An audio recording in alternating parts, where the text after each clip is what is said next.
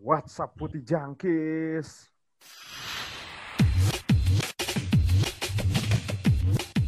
Tahu apa kamu soal bola? Yo, sudah waktunya weekend, sudah waktunya gue Tanti Ojek di sini kembali lagi bersama tadi ada suara Ferry, ada Aldi lagi di sini dan Huda sudah kembali lagi dan Yo yo yo. di weekend ini Yo, what's up, Putih Jangkis? Yo, what's up, what's up. Di weekend ini liga-liga udah mulai jalan lagi nih ya. Bundesliga udah mulai jalan, Serie A nih udah mulai jalan lagi, terus Premier League juga udah mulai pekan kedua berarti kan. Tapi di apa namanya di minggu ini yang seru tuh cuman ini sih. Uh, kita nggak mau bahas match, kita rekap transfer dulu nih. Transfer nih Gareth Bale cuy. Gareth Bale akhirnya kembali lagi ke Inggris, ke Tottenham Hotspur lagi dengan pinjaman ya dia pinjaman ya si Gareth Bale ini pinjaman. Terus ada backnya Real Madrid nih Reguilon bareng sama Reguilon Reguilon yang tadinya digosipin tapi sebenarnya kalau yang gue baca ya ini bener apa enggak ya ini coba nanti Huda sebagai fans MU ini ya. katanya si MU tuh sebenarnya juga nggak nggak nggak ini nggak ada hubungan buat si Reguilon nggak ada kontak buat ke Reguilon katanya kan. Itu cuman agennya doang agennya Reguilon nawarin ke si MU katanya sih gitu nggak tau gue bener apa nggak bener nggak tuh Hud apa emang bener kayak gitu Eh, ya, dari Fabrizio Romano ya, biasanya ngomong kayak gitu ya dia. Kalau nggak salah kan, dia sempat ngomong gitu. Hmm. Iya, emang kayaknya dia tuh, eh, makanya kan waktu itu headline-nya juga si Fabrizio Romano tuh, kalau si Madrid itu udah setuju dengan tawarannya si Tottenham, kalau MU itu udah setuju dengan agennya. iya Ini kan tetap apa kan harus dia melalui klubnya dulu dong, baru. Iya. Kalau misalkan emang personal eh, gaji segala macam cocok kan, baru deal di si sama agennya. Tapi juga kan ada yang bilang juga kan MU nggak mau ada klausul buybacknya di situ. Hmm. Sedangkan si Tottenham itu mau dia dia menyanggupi untuk klausul buybacknya itu. Sedangkan MU itu tidak mau gitu. Jadi mungkin pertimbangannya itu juga sih terus ini apa yang gua baca ya. uh, gua buyback baca buyback. beritanya. mungkin kalau masalah buyback mungkin dia trauma gara-gara Gerard Pique kali ya. Kan Gerard Pique tuh buyback kan di buyback lagi soal Barcelona 10 juta kan soalnya. Mungkin karena mungkin kayak si Reguilon ini prospek banget sih. Tapi buybacknya back kecil kiri. eh buybacknya lebih tinggi daripada biaya transfernya ya beda 10 juta. Buybacknya buybacknya tuh 45 tadi yang gue lihat tuh 45 juta buybacknya dia. Kan dibeli 35 ya buybacknya tuh Dan dia umur dia masih 23 pak, belum masih lumayan lah. lumayan sebenarnya kalau buat MU kedalaman squadnya lumayan sih maksudnya kalau nambah back kiri ya lumayan gitu loh sama satu Tapi ya ini sebenarnya MU sebenarnya masih lebih percaya back kiri sama Luke Shaw kan untuk saat ini. Iya. Cuman sama cadangannya ada si Williams. Cuman Luke Shaw itu cederaan sih. sebenarnya mending beli black Kalau nggak cederaan dia bagus itu sebenarnya. mendingan Kenapa? Iya back tengah bener. tengah kan. Iya. Soalnya Smalling nggak jadi pindah kan. tapi ini kabar semua mau beli pemain lain. Tapi ini katanya kabar terbaru lagi nih si gue tadi baru baca apa breaking news juga si pelatihnya Roma mau datengin Smalling gitu loh. Dia ada kontak langsung ke Smalling yang nggak tahu MU-nya mau ngelepas berapa gue juga nggak tahu. Eh, bahkan gue sempat lihat bukannya udah berita terakhir gula? Udah udah dapat kumbula, udah dapat kumbula. Oh, Tapi udah sama bukannya terakhir malah katanya Inter yang tertarik tuh. Coba tuh gimana tuh Aldi tuh bener nggak? Gue Waduh. baca sekilas berita ya. Smalling itu gua kok kok gua nggak nggak salah nggak salah baca ya small nanti eh Eh, di, gue belum, gue sih belum dengar isunya sih. gue juga belum. Yang yang paling yang paling terbaru sih yang si Romano ngabarin lagi kalau si Smalling tuh dikontak sama Fonseca katanya gitu.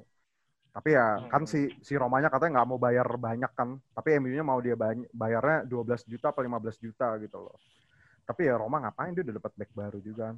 Sama ini nih, transfer akhirnya rampung juga timnya Ferry membeli pemain yang pemain yang jelas ya yang pasti. Bukan yang kemarin tuh yang pemain Yunani itu gua nggak tahu siapa namanya. Akhirnya dia beli Timikas. Timikas ya. Akhirnya dia beli Thiago Alcantara nih gila nih 30 juta Fer. Ya akhirnya lu lu berbunga-bunga nggak Fer dengan datangnya Thiago nih akhirnya nih Fer. Gue gua seneng sih hitungannya. Soalnya lu eh, Thiago itu gosipnya tuh udah sebulan ke dua bulan yang lalu gitu. Dan Udah biasa malah- lah kalau Liverpool tuh Udah malah ini kasih kayak habis dari final Champions League cuy udah lama banget ya iya kan ya. sebe- sebelum sebelum final malah hitungannya. Iya kan ya. Udah lama. Sebelum final tuh udah ini. Dan kalau nggak salah itu udah, udah lama banget gitu. Ya, Dan dan akhirnya gitu. Dan gue dengar kabar juga yang luar biasa. Liverpool tuh cuma bayar 5 juta eh, musim ini. Sisanya tuh dicicil 5 juta, 5 juta, 5 juta. Total 25, 5 juta lagi add-ons. Oh. Gua nggak ngerti lagi dah itu Liverpool buat buat pemain semacam itu bisa dicicilnya Yang gila-gilaan. nawar ibu-ibu, Fer. Iya, Michael emang- Edward emang the goats. Enggak Liverpool mau niru-niru MU apa gimana cuy? Nyicil-nyicil segala. 30 juta masa nyicil? MU masih mending ya 120 juta nyicil ya. Ini 30 juta nyicil gila loh. tapi gue nggak bar- nggak baca loh yang nyicil itu. Gue nggak tahu kalau nyicil bener apa enggak. Tapi ya mungkin ya bener bener juga. Gitu tapi ya tapi emang porosnya kalau gue bilang ya Liverpool tuh udah cocok udah cocok sih Fer ya maksudnya kalau gue bilang Hendo Fabinho lah ya satu tuh antara. Wijnaldum atau Thiago sih udah Nabi Keita tuh menurut gue udah apa ya dikasih kesempatan nggak bisa main bagus terus gitu loh kayak konstan aja mainannya ya nggak sih Nabi Tapi Keita ya sebenarnya Nabi Keita itu emang berbeda aja sih Jack. Eh, jadi Hmm. kalau gua oh, kalau dari di omongan-omongan da- dari dari fans Liverpool tuh idealnya itu kan eh Fabinho, Fabinho, Thiago, Keita gitu kan atau enggak eh Fabinho, Wijnaldum, Fabi eh, Fab- eh, siapa? Thiago, Wijnaldum, eh, Fabinho gitu kan. Intinya eh tergimana situasi kalau lu butuh ball carrier ya lu sama Keita gitu. Kalau lu butuh apa butuh tenaga kuda ya sama Wijnaldum gitu kan. Nanti Tiagonya cuma jadi uh, kalau lu butuh pasar-pasar kayak si Coutinho zaman dulu gitu kan ya lu pilihnya Tiago. Jadi bisa lebih banyak opsi aja sih hitungannya. gimana di? Lo ada tanggapan mengenai transfer Thiago Alcantara di ke Liverpool akhirnya? Apakah ini menambah kekuatan Liverpool? Atau emang Liverpool juara lagi nih? Soalnya kata Wayne Rooney kan kalau Liverpool dapet Thiago udah nih fix juara nih Liverpool. Gimana di? Gua ngelihatnya seru sih, jadi makin jadi makin kompetitif. Sebenarnya kayak di awal musim tuh gue udah agak ragu kan, karena Liverpool tuh transfernya cenderung loyo. Tapi begitu Thiago masuk, ada lah secerca harapan untuk eh, makin compete gitu sama sama City sama Chelsea yang transfernya juga gila-gilaan. Sama gue malah pengen nyorotin juga transfernya Tottenham sih, meskipun ya kita tahu lah pelatihnya masih Mourinho. Ya. Tapi adanya Gareth Bale itu menurut gue edition yang yang bagus banget menurut gua itu bisa jadi malah kayak transfer nggak tahu ya gue gue berasumsi kayaknya Bale tuh bakal balik lagi ke performa awalnya sih Bale tuh masih masih oke loh masih bagus banget Bale tuh umur ngerasa 30 bisa ya lah bisa bisa bicara Baru Ya, 30. 30-an. Umur 30 kan dia tapi kalau ngomongin Spurs tuh kemarin Spurs kualifikasi Europa League yang babak kedua aja udah hampir kalah cuy sama klub gua nggak tahu klub apaan serius deh ngeri juga begitu Mourinho nih Iya, begitu begitu begitu Dua satu kan sempat kebobolan dulu kan? kebobolan kebobolan dulu 1-0. Begitu udah 9 orang baru bisa menang kan. Gue nggak tahu klub apaan sumpah. Itu klub lokomotif apa gue nggak tahu sumpah tuh. Ya udahlah lu kita juga nggak mau bahas Spurs. Gue juga males sebenarnya bahas Spurs. Spurs tuh nanti Eh. lawan siapa tuh di Premier League minggu ini tuh gue lupa tuh jadwal lawan siapa. Tapi kita nggak mau bahas Spurs juga sih. Kita tuh mau ngasih preview dikit sih sebelum kita ngobrol yang lebih seru-seru lagi. Eh, jadi di minggu ini tuh di malam eh kok malam minggu sih minggu malam ya berarti ya. Di minggu malam itu ada Chelsea lawan Liverpool nih. Big match cuy. Mainnya di Stamford Bridge. Dengan kemarin performa Liverpool yang ya gue bilang tuh masih setengah kekuatan sih pas lawan Leeds United tuh nggak nggak walaupun mainnya full squad tapi kayak bukan Liverpool banget dengan Chelsea yang kemarin menang lawan Brighton tapi ya belum belum kemampuan maksimal sih kalau gue bilang gitu di Chelsea Liverpool besok nih apalagi Chelsea ini tadi ada beritanya juga nih pokoknya kalau anak F, kalau anak-anak yang main FPL tuh biasanya nungguin berita ada presscon hari Jumat kan. Siapa yang cedera siapa yang itu tuh biasanya itu tuh. Tadi gue ngeliat kan si Lampard presscon Ben Chilwell tuh ternyata masih cedera. Terus si Havertz eh Havertz siapa namanya? Ziyech ya? Ziyech tuh cedera juga. Thiago Silva masih diragukan tampil. Jadi ya notabene cuman Werner lagi sama Havertz. Tapi gue mau nanya dulu deh ma- sama kalian dulu nih. Eh, Havertz sama si Werner nih emang butuh adaptasi lebih lama nggak sih? Atau menurut kalian dari salah satu mereka berdua debut kemarin tuh udah ada yang tune in duluan. Gimana? Apa Aldi dulu deh coba? Gimana deh gue jujur gue jujur nggak ngeliat uh, matchnya Chelsea sih kemarin. Tapi gue ngeliat Ya. cuplikan-cuplikan doang terutama cuplikan yang paling rame kan yang meme-nya si Oh. Havertz passing of the year kan? Ya ya Oh, iya. Misplay. tapi gue ngeliat ya udah pasti lah. Pasti pasti butuh adaptasi lah pemain yang pindah liga apalagi di usia yang masih muda kayak mereka berdua kan Havertz itu jadinya lucu ya gue ngeliatnya gara-gara salah satu passing aja jadi jadi udah dianggap flop gitu padahal kan Iya. masih butuh pembuktian lah ini baru pekan pertama baru berapa menit sih dia main Iya, gitu iya. jadi ya pastilah butuh butuh adaptasi dulu Ya, nah mungkin dia lab- labelnya gara-gara harganya mahal sih. Makanya jadi kayak gitu ya nggak sih? Kayak meme-nya tuh bertebaran gitu loh. Ya kayak kayak musim kemarin Hmm. Nicolas Pepe kan juga gitu tuh. Kayak mainnya nggak jelas gitu kan dikata-katain terus ah, Arsenal beli pemain mahal-mahal nggak taunya kayak gitu doang gitu. Gimana kalau dari lu Hud, mengenai Timo Werner sama si siapa namanya? Kai Havertz. Ah, kalau ngelihat dari bener sih, gue setuju sama Aldi sih. Pasti butuh adaptasi sih. Tapi kayaknya udah cunin duluan tuh kayaknya Wer- Werner ya, kalau gue lihat ya. Ya, Karena eh, Chelsea itu mengandalkan Werner dari awal gitu. Karena emang dia striker yang bisa di- dipakai dan bisa full oke. Untuk saat ini Chelsea cuma dia gitu. Jadi mungkin akan Ya. lebih banyak posisi si Werner itu mungkin akan lebih sering main dari awal sehingga dia akan lebih cunin diri juga lebih cepat karena pun dia juga udah sempat main preseason bareng Chelsea sedangkan si Havertz ini kan baru masuknya baru belakangan banget kan Iya, itu kan benar-benar hamin berapa Chelsea main di liga gitu. Jadi eh, mungkin eh, Werner sih akan lebih bisa tune in duluan ya karena ya perform dia sendiri dia dia striker satu-satunya mungkin striker terbaik Chelsea saat ini cuma dia gitu otomatis dia akan terus dimainin dari awal kemungkinan ketimbang siapa Tammy Abraham atau nggak si Oliver Giroud gitu kan. Hmm. Jadi eh, Werner sih mungkin bisa lebih cunin duluan tapi benar kata Aldi tadi pertama ya eh, semua butuh waktu sih. Havertz itu bukan pemain jelek.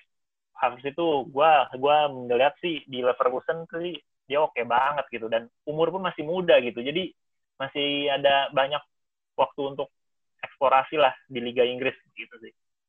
Tapi kayaknya kalau dibilang si Havertz tuh kan kemarin mainnya di kanan ya, Eh, mainnya di posisi kanan kan. Gue gue nonton lawan Brighton itu gue nonton, tapi dia mungkin masih misleading sama taktiknya Lampard gitu nggak sih? Jadi kalau dibilang kayak di Bayer Leverkusen itu dia lebih bermain dengan eh, lebih reaktif Attacking football. midfield ya. Iya, dia lebih attacking midfield tapi Hmm. juga bisa main di kanan. Tapi kalau dari sisi taktikal ya mungkin si Lampard itu kan lebih direct mainnya, lebih direct lah istilahnya kan lebih direct juga. Terus nggak kadang nggak bypass lini tengahnya. Sedangkan kalau di Leverkusen tuh lebih lebih kompleks bola level bolanya tuh lebih kompleks. Jadi kayak kaki ke kaki gitu. Uh, gimana Fer? Lu menurut lu ada tambahan nggak Fer? Apakah emang bener nggak sih si Havertz nih? Ada yang bilang juga Havertz nih overrated gitu. Tapi kalau overrated gue nggak setuju sih. Kalau menurut lu gimana? gue kayaknya kalau kalau bener kata Huda sih hitungannya kayak eh Werner sih kemungkinan besar masih lebih lebih lebih cepat lebih cepat nyetel gitu kalau gue ngelihat Havertz eh, feeling gue bakal kayak Pulisic awal-awal musim kemarin Nah, iya benar. yang awal-awal apa lu awal-awal musim dia angin-anginan gitu kan terus Hmm. setelah paruh musim melewat winter masuk eh, dia udah mulai nyetel gitu kan sampai Hmm. feeling gue sih ya eh, terlepas dari harga harusnya sih fans Chelsea terutama bisa me, me- me- apa me- memanage ekspektasi lah terutama di awal awal musim nggak bisa nggak bisa kayak gitu gitu paling ya kemungkinan besar sih yang benar-benar langsung nyetel ya Werner soalnya kayaknya emang bener-bener udah secara taktikal kayaknya dia udah ngerti gitu apa yang dia harus lakukan di taktiknya Lampard jadi ya Setuju, setuju. lihat nanti Iya sih. Mungkin ini sih uh, orang itu ini ekspektasinya fans netral kayak yang penikmat Liga Inggris gitu ya, yang kayak gila Chelsea ini udah jor-joran kan, maksudnya udah beli pemain banyak, tapi ternyata dilihat penampilannya ya so-so kayak ya kan bayangin juga sih kalau dari lihat pembelanjaannya baru dua doang kan yang main si Thiago Silva belum main, Ziyech juga belum main, Malang Sar juga ada di loan lagi kan gitu ya. Will sih sih, gue juga penasaran sih. Gue penasaran kalau misalkan nanti Ziyech tuh udah main sih kayak apa. Gue malah lebih naruh expect Hmm. lebih besar ke Ziyech sih daripada ke Havertz sebenarnya. Kalau gue sih, gue lebih penasaran Ziyech sih kayak apa. Gitu. Terus apa nih? Ada yang mau nambahin lagi? Gimana di? Lu ada tambahan lagi di? Atau gue Ya, gue langsung? setuju sih Ziyech tuh lebih lebih seksi lah maksud gue. Iya, iya. menurut gue lebih lebih seksi untuk dilihat penampilannya karena gak tau ya gue kebayang Ziyech tuh bakalan kayak Mahrez deh Mahrez awal-awal di awal-awal ngebum gitu kayak di Liga Inggris bakalan kayak gitu eh tapi gue ngeliat si Havertz kemarin ya mainnya Iya. kok kayak agak lambat gak sih lu ngerasanya Jack gue ngerasa tuh dia kayak emang belum cocok sama taktikalnya sih bener tadi si Ferry kayak apa yang diaplikasiin sam di aplikasikan oleh Leverkusen maksud gue beda gitu sama di cara mainnya di Chelsea gitu loh. Gue ngeliat Lampard emang mainnya lebih direct football dan lebih banyak true pass dan lain-lain gitu loh. Beda sama si pas zaman di Leverkusen. Makanya waktu itu kita sempat singgung juga kan si Werner mungkin kalau di Liverpool nggak begitu cocok fair. Ya nggak sih? Tapi kalau di la- kalau di Chelsea langsung nyetel, ternyata emang bener si Werner oke menurut gue. Walaupun dia nggak dapat gol, tapi dia bisa ngasih kreasi, bisa dapat peluang penalti kan waktu lawan Brighton Hove Albion itu juga dapat penalti gitu. Gue penasaran Ziyech sih. Terus eh, ya kalau dilihat jadi jalannya pertandingan sih ya pasti menurut gue seru sih. Eh, Liverpool nggak bisa dianggap remeh juga kalau gue bilang. Tapi Thiago nih belum bisa main deh, belum bisa main kan nanti dia hari Belum. ini nanti. Belum ya? Kemungkinan besar eh, di next eh, apa selanjutnya next Lanjut. Tapi dia kemungkinan kalau diumumin eh besok ya kemungkinan besar ya dia paling di Karabau ya kalau nggak salah. Setelah itu gue lupa. Kalau nggak salah Karabau gitu. Karabo kan udah main kan kemarin kan. Tapi nggak tahu ya Liverpool nggak Enggak, main ya. Karabau ya? kata FA ya, Karabau kalau nggak salah. Ada ada ada fixture Karabau kalau nggak salah gue lupa. Minggu Oh. ini. Karabau kan biasanya yang ini dulu yang urutan 1 sampai 4 mah nggak akan main di awal-awal, yang bakal main duluan tuh yang ini yang urutan 6 ke bawah sama pantes. liga-liga bawahnya sama ininya. Iya pantas kemarin gue kalau nggak gitu. salah, Gimana, gimana? ada ada pokoknya, pokoknya kalau tapi kalau nggak salah ada match cup, cuman gue lupa cupnya apa gitu. Gue kemarin sih ngelihatnya notif di Google itu yang skor-skor gitu ya, yang masuk tim-tim kecil sih emang kayak ya yang kayak Wolverhampton yang bukan top 4 gitu yang main kayak Castle tuh main, pokoknya tim-tim kayak gitulah Kasau main. Hmm. tuh main. Leeds juga main kemarin Oh iya, Leeds juga main tuh. Kalah ya tapi? Leeds kalah adu penalti tapi. Kalah ada penalti. Eh tapi Fer, gue mau nanya Fer, tapi lu Thiago oke lah udah masuk. Tapi apakah emang ini bakal jadi angin segar? Tapi kalau gue bilang Liverpool tuh definitely butuh center back yang benar-benar bu- buat nemenin Van Dijk sih kalau gue bilang. Setuju nggak lo? Gua ng- gua gimana ya? Kalau buat partnernya Van Dijk justru menurut gua Joe Gomez tuh udah udah udah mumpuni sih. Eh ja- walaupun walaupun gua tidak me, me- apa me- me- menolak eh, kalau emang Liverpool butuh back terutama eh, buat menggantinya Lovren gitu kan buat port choice-nya. Eh, Striker, tapi kalau gue jujur, striker. Kayaknya kalau kalau gue jujur yang lebih butuh itu dibandingin eh, center back, menurut gue lebih lebih lebih butuh ke striker sih. Ah. Terutama eh, opsi keduanya gitu setelah dari Firmino gitu kalau jadi jadi semacam pure striker ya ya lu pasti tahu lah argumennya orang-orang Liverpool. Firmino itu bukan bukan apa bukan striker tradisional bla bla bla. Tapi ketika lu butuh mentok ya lu butuh goal getter gitu gimana caranya gitu. Dan berharap eh, dari wing itu ya agak susah juga gitu. Padahal gue kemarin sempat bikin di Twitter juga, gue kira Liverpool coba ambil striker-striker oportunis kayak si Arkadius Milik gitu ya. Nggak tahu Arkadius Miliknya ke Roma nih. Eh, ke, iya ke Roma. Soalnya si Edin Dzeko Roma, cabut. Edin Dzeko cabut ke Juve katanya gitu. Itu intermezzo aja. Nah, tapi ini ada satu topik yang menarik sih. Di weekend kemarin tuh pasca Liverpool sama Leeds main, itu banyak banget di medsos tuh it's all about Bilsa, Bilsa, Bilsa, Bilsa, Bilsa. Sampai sampai gua pun excited gitu loh. Gue Zun sampai excited, gue penasaran Bilsa kalau di Liga Inggris tuh seperti apa gitu loh. Akhirnya kan nonton semua kan kita kita semua nonton orang ini gila dan untuk fans netral pertandingan Liverpool sama Leeds yang pas di game week kemarin pertama itu yaitu emang tontonan yang menghibur di samping skor ya, di samping skornya 4-3 juga tapi lu kalau lihat cara mainnya biasa gokil sih gitu loh. Lu tim sekecil Leeds tuh tim kecil nggak sih? Tim kecil apa tim besar kalau di Inggris? Tim besar, Le. Tapi karena hitungannya dia Historical promosi, besar lah. Historical besar. Iya, tapi karena kalau misalnya kondisi sekarang sih menurut gua belum bisa dibilang besar sih. Kalau besar, besar. Kalau historical setuju. Kalau historical iya. Ya maksudnya gini sih, kita ambil sudut pandang kita kemarin udah lihat si Fulham main terus si siapa West Brom ya tim-tim yang promosi untuk menurut gue untuk kelasnya tim promosi another level gitu anjir bisa main sepak bola yang menyerang dan rada suicide gitu kalau menurut gue dibanding kayak tim-tim promosi yang sempat naik down lah kayak Sheffield kayak siapa tuh Wolverhampton ya kalau menurut gue Leeds jauh lebih entertaining ketimbang gue gitu nah tapi uh, gue mau nanya sih emang apa seberapa spesialnya sih si Marcelo Bielsa ini? Apakah emang dia bener-bener pelatih yang kayak taktik atau emang sekedar angin lewat aja, Fer? Kalau menurut lu gimana, Fer? Tentang Marcelo Bielsa di Premier hmm. League nih? Gue sebenarnya hitungannya ng ngikutin Bielsa itu sejak kapan ya? Sejak sejak Marcel kalau nggak salah, sejak hmm. dia uh, itu Marcel. Gue tertarik sama karirnya itu uh, karena gue masih ingat waktu dia di Marcel itu uh, gue lupa antara lawan PSG apa lawan Lyon tapi kalau nggak salah lawan PSG hmm. dia itu main tanpa formasi men main bola tanpa formasi dia tuh yeah. dia tuh uh, setiap pemain main marking satu pemain lain walaupun endingnya kalah sih yeah. dua satu kalau nggak salah skornya itu dan itu jadi menurut gue agak menarik gitu dan setelah gue baca-baca lagi si Bielsa ini pernah pernah ngomong lu kalau uh, pemain gue itu robot semua, gue pasti menang terus gitu. Karena dia emang benar-benar detail oriented, uh, tactical, dia juga bisa dibilang sangat uh, unik. Dia juga jadi guru-gurunya beberapa uh, pelatih-pelatih top top Eropa sekarang. Uh, gue jujur sangat excited terutama ketika gue dengar kabar kalau Leeds uh, apa promosi gitu kan. Walau, bahkan sebelum hype-nya siapa uh, hype-nya di Indonesia gitu kan uh, ketika yeah. Bielsa uh, ketika uh, kemarin lawan Liverpool. Jadi lu bisa berharap ketika lo lead main uh, permainan bakal intens uh, terlepas itu nyerang saling nyerang atau enggak.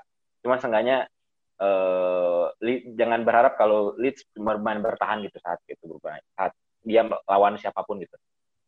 Ya benar kalau dibilang Leeds main bertahan kayak nggak mungkin cuy. Karena si siapa namanya si Bilsa itu kan pernah di uh, gue pernah baca tulisannya si Jonathan Wilson di Atletik atau Atletik apa Guardian gitu ya. Dia bilang kalau emang gue ini obsesi obsesif banget sama sepak bola menyerang. Kayak di sepak bola tuh nggak ada menurut gue bertahan. Lu lihat sendiri kan dengan cara mainnya si siapa Leeds pas lawan Liverpool tuh gila cuy.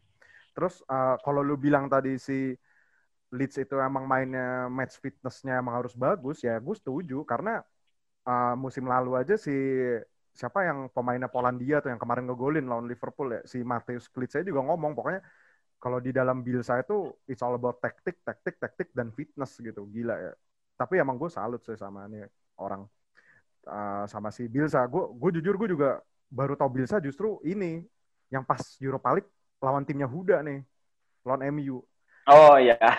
iya kan. Itu soalnya di di akhir wawancara aja pas si Sir Alex Ferguson uh, di wawancara BT Sport apa Sky Sport ya habis pertandingan dia itu di, dia juga bilang gue kalah segalanya dari Bilsa gitu loh di pertandingan itu dan gue nonton kan waktu itu dan itu gila sih itu Atletico udah bocah-bocahnya akam sih semua kan yang main squadnya tapi mainnya enjoyable banget gitu loh.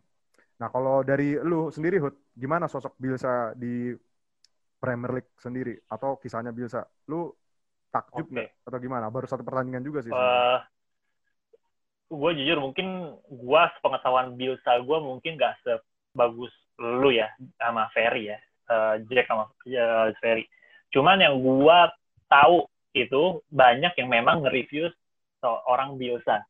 Bahkan ada semacam YouTube, YouTube salah satu YouTube gue nonton itu memang ngebahas tentang bagaimana transformasi taktik Biosa dan dia itu justru gue historikalnya si Biosa ini kan yang kok gue gue baru aja kemarin gue baca gitu di, hmm. di Wikipedia lah gitu kan hmm. historical dia tuh ngelatih tim besar itu bisa dibilang tuh hampir nggak ada gitu kan dan dia tuh bisa ngebawa semua tim yang dia apa ya dia latih itu bisa menyuguhkan sepak bola yang menarik gitu permainan yang menarik gitu dan sampai ada kan beberapa yang analisa ya benar uh, kata lu tadi ada yang analisa tentang bagaimana uh, biasa taktikalnya dan sebagainya macamnya justru gue lebih menyoroti nanti Leeds ke depannya hmm. uh, Leeds ini kan bisa dibilang adalah klub klub tradisional Inggris lah dia itu udah yeah. punya history yang sangat baik gitu dan pemain-pemain besar gitu. Dan jadi ketika dia promosi ke Liga Inggris merupakan sebuah apa ya, sebuah bisa dibilang sebuah sukacita untuk fans Leeds United dan juga mungkin klasikalnya adalah ya gue sebagai fans MU ya gue akan membenci Leeds gitu. Karena kan bisa dibilang itu mereka itu kan musuh bubuyutan lah. Kayak udah seperti seperti derby pada umumnya aja gitu kan. Kalau gue lihat hmm. kalau gue ngikutin akhir 90 itu kan wah Leeds itu gila sih.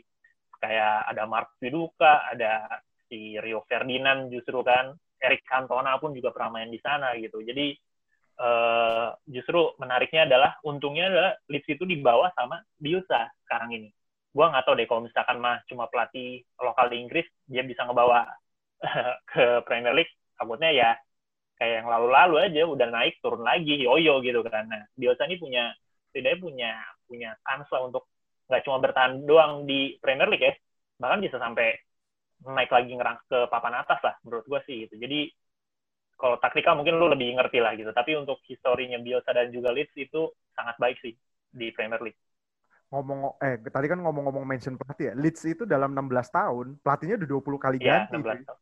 iya udah iya. gila coy dan Bielsa ini pelatih ke 21 kan. Gokil gokil. Tapi uh, lu tapi ya setuju sih emang yang bikin spesial tuh Leeds-nya sendiri ya gitu. Tapi gue mau nyamber ke Aldi dulu sih. Gimana di lu?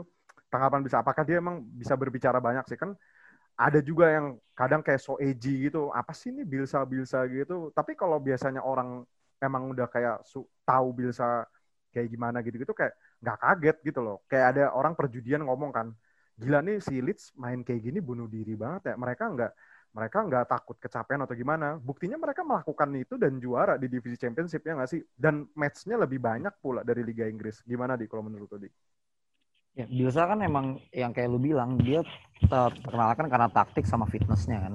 Ya. Gue gue pernah baca juga sih Bielsa tuh katanya kalau ngelatih fisiknya emang lumayan keras. Tapi yang gue sorotin dari Bielsa itu 2018 dia masuk sebenarnya di tahun pertama itu dia hampir promosi kan. Iya. Yang ya. lawan Derby, Derby County ya kalau gue nggak salah. Oh ini Spygate Spygate. Ya iya iya yang bukan, itu yang bukan. Spygate itu pas liga Bukan, pas ini ya? dia kalah playoff kalau nggak salah. Dia kalah playoff. Playoff, kalah playoff kalau nggak salah. Dia kalah playoff. Oh, playoff.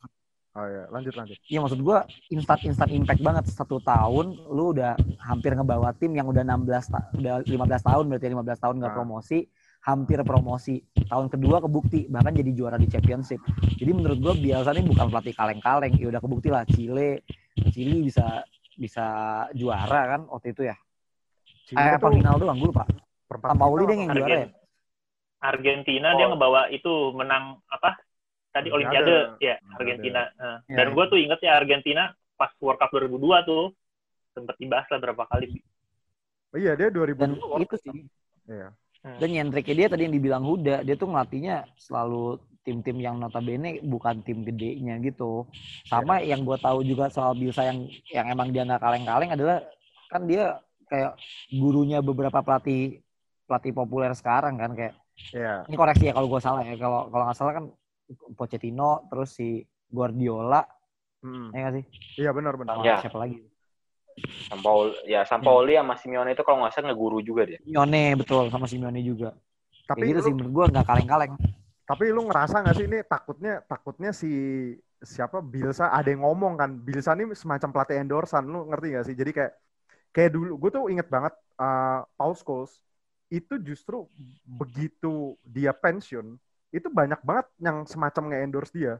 Semua pemain bola itu memuji dia, tapi begitu begitu dia nggak main, eh begitu dia masih main jarang gitu loh. Kayak kayak Xavi Hernandez pernah ngomong Paul Scholes is the one of the greatest midfielder in the universe kayak gitu. Tapi apakah si Bielsa ini takut semacam endorsan kayak tadi bilang si Pep Guardiola bilang iya dia tuh udah kayak guru gua si Pochettino pun bahkan dia tuh udah kayak bapak gue ngomong gitu. Gimana Fer lu?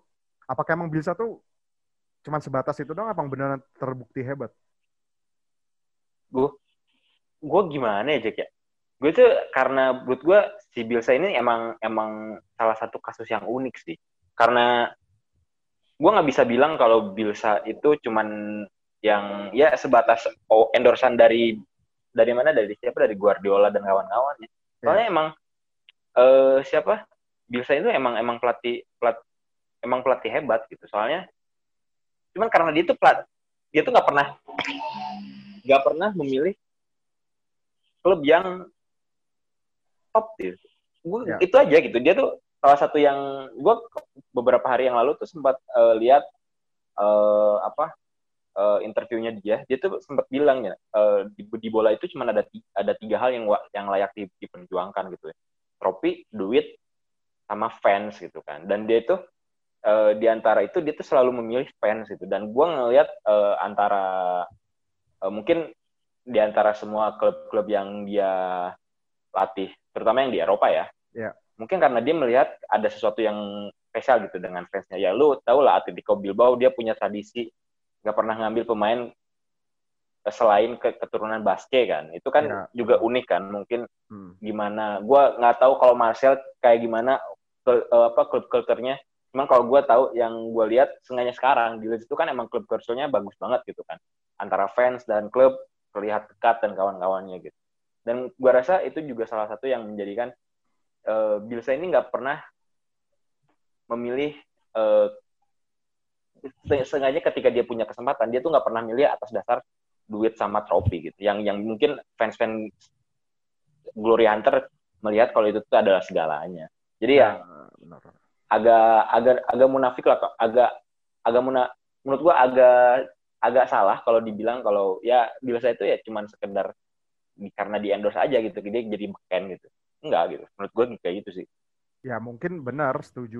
Karena lu eh kata kayak kata lu bilang uh, mungkin Bielsa ini jauh dari sorotan orang awam yang sebatas cuma nonton bola mungkin gara-gara ya gelarnya nggak senyentrik dia sebenarnya seangkatan kayak Mourinho gitu gitu kan udah mulai ngelatih yang dua, dari medio 2000 awal kan maksudnya dia pasti kalah nama gitu loh sama pelatih-pelatih kayak Ancelotti yang seangkatan sama dia kayak si uh, Mourinho tadi gitu loh tapi kalau dari filosofinya sih ya he's a good he's a good coach banget gitu kalau menurut gue sih gitu. Apalagi emang kelakuannya kan nyentrik kan kayak yang tadi dia pernah nge-spy si Derby County kan tuh paling ngehe Derby juga County. sih. Iya kan. Terus dan itu ternyata delap semua tim Semua di championship itu dia mata-matain gitu. Iya dan kan itu lu masih inget gak sih yang gue ada tuh videonya di Guardian lu cari aja di YouTube. Itu yang dia ngajarin nguliahin wartawan-wartawan anjir. Lihat gak sih lu? Yang dia iya gua tahu. Iya kan yang nguliahin wartawan-wartawan tuh satu jam apa berapa gila. Dikasih tahu gue tuh tahu. Jadi gue nggak perlu ngespain ngespain gue juga tahu. Gue tuh ngepelajarin semua tim apa ngepelajarin semua klub-klub championship kayak apa mainnya. Gila tuh emang tuh orang dan yang paling kasih sekarang ember sih ya. Embernya sampai ada sampai ada mereknya cuy. Katanya sih alasannya gini alasannya gini. Dia ditanya kenapa sih pakai ember? gitu. Soalnya kalau gue duduk di ember ini penglihatan gue tuh lebih jelas kalau ngeliat pemain Lebih jelas, benar. Ya katanya gitu, kayak gitu. Ya Bielsa sih, gue juga setuju sih. Gue penasaran sih kalau dia megang tim gede sebenarnya ya, atau kayak MU atau Barcelona sih, gue juga penasaran Barcelona atau ya pokoknya tim besar sih. Gue penasaran. gitu. So ada, ada tambahan lain nggak menurut kalian tentang bisa kira-kira Leeds United bisa berbicara banyak nggak sih minimal top 10 lah ya. Kalau menurut kalian gimana? Kalau gue sih prediksi mungkin top 10 sih bisa Leeds United. Gimana Hud kalau menurut lu Hud? Hmm. Menurut gua sama sih, bisa lah. 10 besar itu memang eh, cukup cukup oke lah, di, apalagi dibandingin eh, tim promosi lainnya kayak Fulham atau West Brom ya itu Iya. Eh, menurut gua bakal turun bahkan West Brom apalagi sih Hmm. banyak yang ngeprediksi West Brom tuh turun kayak eh, terus si Brighton lah gitu-gitu kan jadi bi- dia tuh bisa mirip kayak Wolverhampton waktu pas dua musim lalu ya. Dia langsung Oke. masuk ke Europa League bahkan waktu itu kan si Wolverhampton. Karena memang mungkin historical si Wolverhampton itu waktu itu ya Portugal banget kan dari pelatihnya sama disokong dananya beli pemain top Portugal semua gitu dan kalau biasa ini kan topnya itu adalah di pelatihnya Ya. dengan pemain segitu aja dia bisa menyajikan sepak bola yang oke gitu. Gimana kalau dia dikasih duit dan dikasih pemain yang dia pemain besar lah gitu. Ya. Dan menurut gua pun pemain nanti yang bakal transfer bakal datang gitu nextnya mungkin yang musim depan kalau misalnya dia masih ngelatih Leeds itu pasti eh, mau juga gitu dipegang sama si Bielsa ya, menurut gua ya dari apalagi eh, lu pindah ke Leeds juga bukan berarti lu jadi pindah ke tim kecil. Leeds kan punya historical yang bagus juga gitu sama fans dari Liga Inggris. Jadi uh, cukup dinanti adalah ketika mungkin musim depan dia dapat posisi bagus terus dia bisa beli beli pemain yang oke okay juga gitu. Kalau menurut gua kan kemarin dia baru beli si Rodrigo doang ya. Itu, itu juga agak agak agak ceroboh ya. juga waktu lawan Liverpool ya. Eh, dia bikin penalti ya, ya mah. Dua debut debutannya semua itu. Si hmm, ceroboh semua sih dan ya masih belum kelihatan lah nanti kan gimana nanti nextnya mungkin akan lebih seru sih apalagi ya nanti ketika Leeds lawan MU ya kalau udah ada penonton pasti seru sih. Kalau misalnya masih nggak ada penonton ya masih gini-gini aja. Harusnya kalau sih ya. misalkan harusnya. kalau udah ada penonton pasti seru sih. Cross derby cuy. Eh, itu gua, kapan ya? Apa MU MU Kalau Oktober Hmm, kalau Oktober bisa jadi itu tuh, ada udah bisa ya? jadi ada penonton. Hmm, soalnya kalau nggak salah pemerintah Inggris tuh Oktober, nargetin Oktober kalau nggak salah, udah bisa minimal setengahnya lah kurang lebih. Boris Johnson udah ngomong katanya Oktober kan bisa setengah fans masuk ya kalau hmm. salah gue. Dia ini mempre apa menargetkan belum belum belum apa belum fix. Hmm. Tapi ya benar apa tadi gue mau ngomong apa tuh lupa tuh gue. Ya si Leeds ya gue penasaran sih apalagi ya we'll see lah. Gimana di lu ada tanggapan tentang kira-kira Leeds United apakah bisa berbicara? Sebenarnya gue mau nambahin sedikit sih. Sebenarnya uh, ah, gue tuh penasaran Leeds begitu ngelawan tim yang tidak terlalu dominan kayak Liverpool ya. Tapi kita nggak mungkin bisa bahas karena matchnya tuh pasti udah terjadi. Yaitu lawan Fulham. iya kan. Kita lihat aja tuh nanti penasaran kayak. Gue cuma mau nambahin itu. Gimana di kalau menurut tuh Leeds apakah benar-benar bisa mendobrak dominasi Big Six atau gimana menurut lo? Wah kalau Big Six sih menurut gue masih kejauhan sih ya. Cuman kalau 10 besar menurut gue bisa. Bisa sih menurut gue. Nah kalau ngelihat bener kata sih gue juga lumayan penasaran sebenarnya tim-tim kayak gini kayak gini tuh kan kelemahannya tim-tim yang menyerang ya. Biasanya tuh kelemahannya adalah ketika uh, ngelawan tim yang uh, pertahanannya uh, rapat atau cenderung cenderung bertahan yang dia nggak ngebuka ruang. Jadi ah. dia nggak bisa. Jadi tanya tuh susah. Hmm. Itu sih yang yang yang lumayan bikin penasaran. Terutama kayak kemarin lawan Hull City aja bisa kalah gitu kan. Hmm. Jadi gue agak sedikit uh, satu hal yang bikin gue agak um, apa ya kayak worry gitu. Sebenarnya Leeds itu konsistensinya sih dalam arti dalam hal konsistensinya sebenarnya bisa nggak sih dia uh, konsisten gitu. Cuman kalau untuk uh, taktik segala macam sih gue kayaknya nggak terlalu ragu sama Bielsa sih sepak bola attacking footballnya emang gila sih Bielsa ball kan yo, bilangnya ya nggak sih? Yo, yo, yo. Tapi emang Bielsa lah sepuluh besar. Bisa lah sepuluh besar. Atau mungkin Big Six bisa juga geser Spurs. Waduh. Kayaknya nggak ada yang berharap banyak ke Spurs musim ini ya. Nggak nggak tahu. Mungkin kalau Gareth Bale sama si siapa namanya. Nah si siapa tuh namanya? Reguilon masuk ya itu. Cuman kalau menurut gue emang Spurs tuh apalagi yang pemainnya Pierre Emil Hoiberg tuh anjing tuh udahlah no hope banget sih tuh dibeli bangsat. Nggak jelas anjir anjir. ya gue pernah ya, lihat aja sih kayak Arsenal kan lagi up up juga. Terus MU baru main juga kan sama City baru main match pertama juga. Nanti kita lihat aja seperti apa Leeds tapi gue jujur sih gue penasaran banget kalau MU lawan Leeds sih. Apalagi mainnya di Elan Road ada penonton sumpah gue penasaran sih itu Oh itu itu pasti rame sih. Rame sih. Makanya gue berharap tuh kadang ada penonton gitu loh. Kadang kalau cuman gak ada penonton tuh, lu ngerasa gak sih match away itu juga kayak lu away day ya nggak berasa, nggak berasa, nggak berasa. Iya. Gue gue berharap uh, big match big match terutama di stadium-stadium yang emang kalau ada penontonnya rame itu, gue berharap di belakang-belakang sih. Misalnya di mendekati nah. akhir tahun lah. Kayak MU Liverpool, uh, M, uh, apa MU Leeds, MU City, apa uh, Liverpool City kayak gitu mending dibelakangin lah biar sengaja ada countermeasure-nya gitu loh.